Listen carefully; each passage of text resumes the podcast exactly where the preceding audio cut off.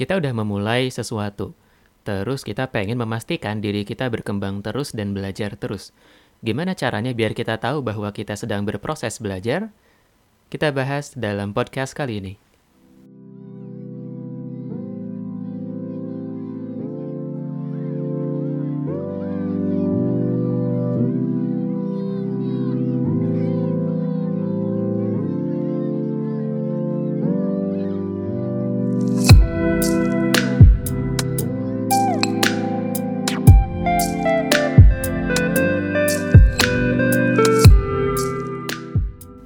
Antara proses penting dalam belajar adalah mengevaluasi proses belajar kita.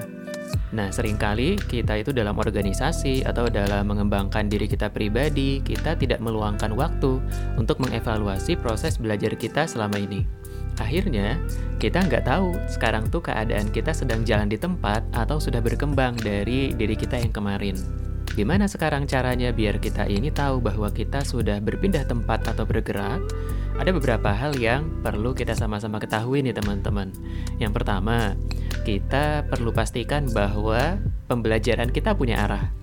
Jangan sampai kita belajar tapi belajar apa pun semuanya tanpa kita punya arah yang jelas hendak seperti apa nih, apa goal belajar kita. Nah, hal pertama yang perlu kita pastikan adalah kita punya goal belajar.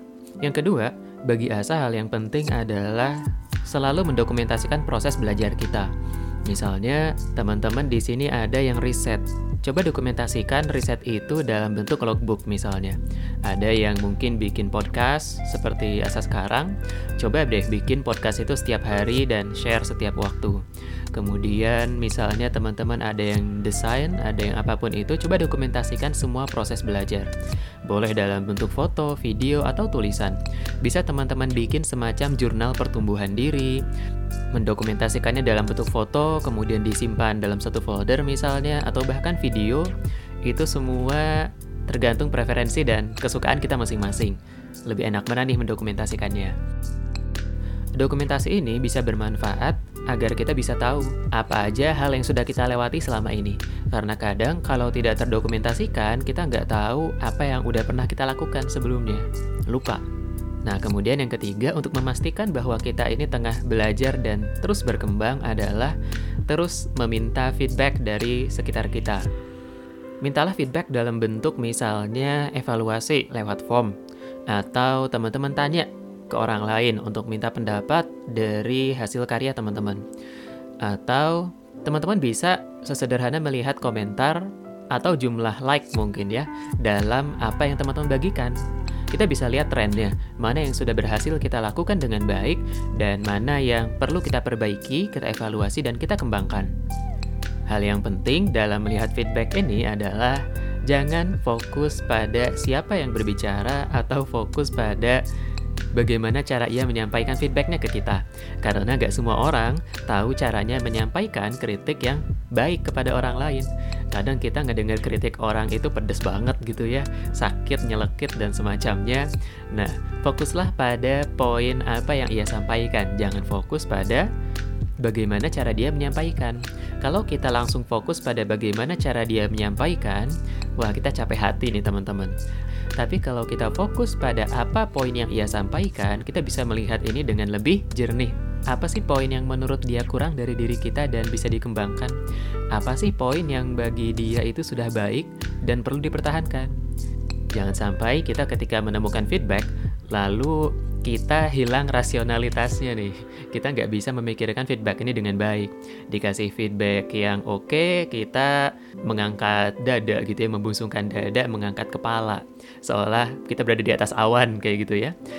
Ketika diberikan feedback yang negatif, kita langsung tersungkur jatuh. Nah, jangan sampai seperti itu teman-teman. Kalau memang poin itu baik dan bisa mengembangkan diri kita, terimalah dengan berbesar hati, dengan lapang dada. Karena dengan begitu kita bisa tahu bagian mana yang perlu kita kembangkan lebih jauh dalam proses belajar kita. Mencari feedback ini hal yang penting, yang sering kali, apalagi kalau kita bicara soal organisasi, soal program yang kita buat, nggak kita lakukan. Kita lupa buat bikin form evaluasi, kayak gitu ya. Kita lupa buat kita lupa buat nanya kepada peserta bagaimana pendapatnya seputar kegiatan kita. Akhirnya kita nggak tahu, kita nggak benar-benar tahu apakah yang sudah kita lakukan ini oke okay atau belum.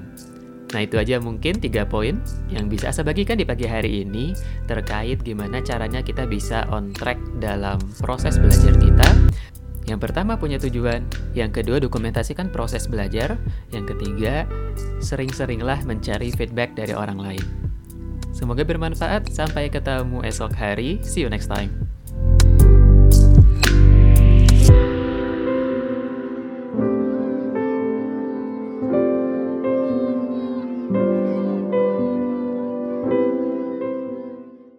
Teman-teman jangan lupa kasih feedback ke Asa juga ya lewat form yang ada di podcast ini.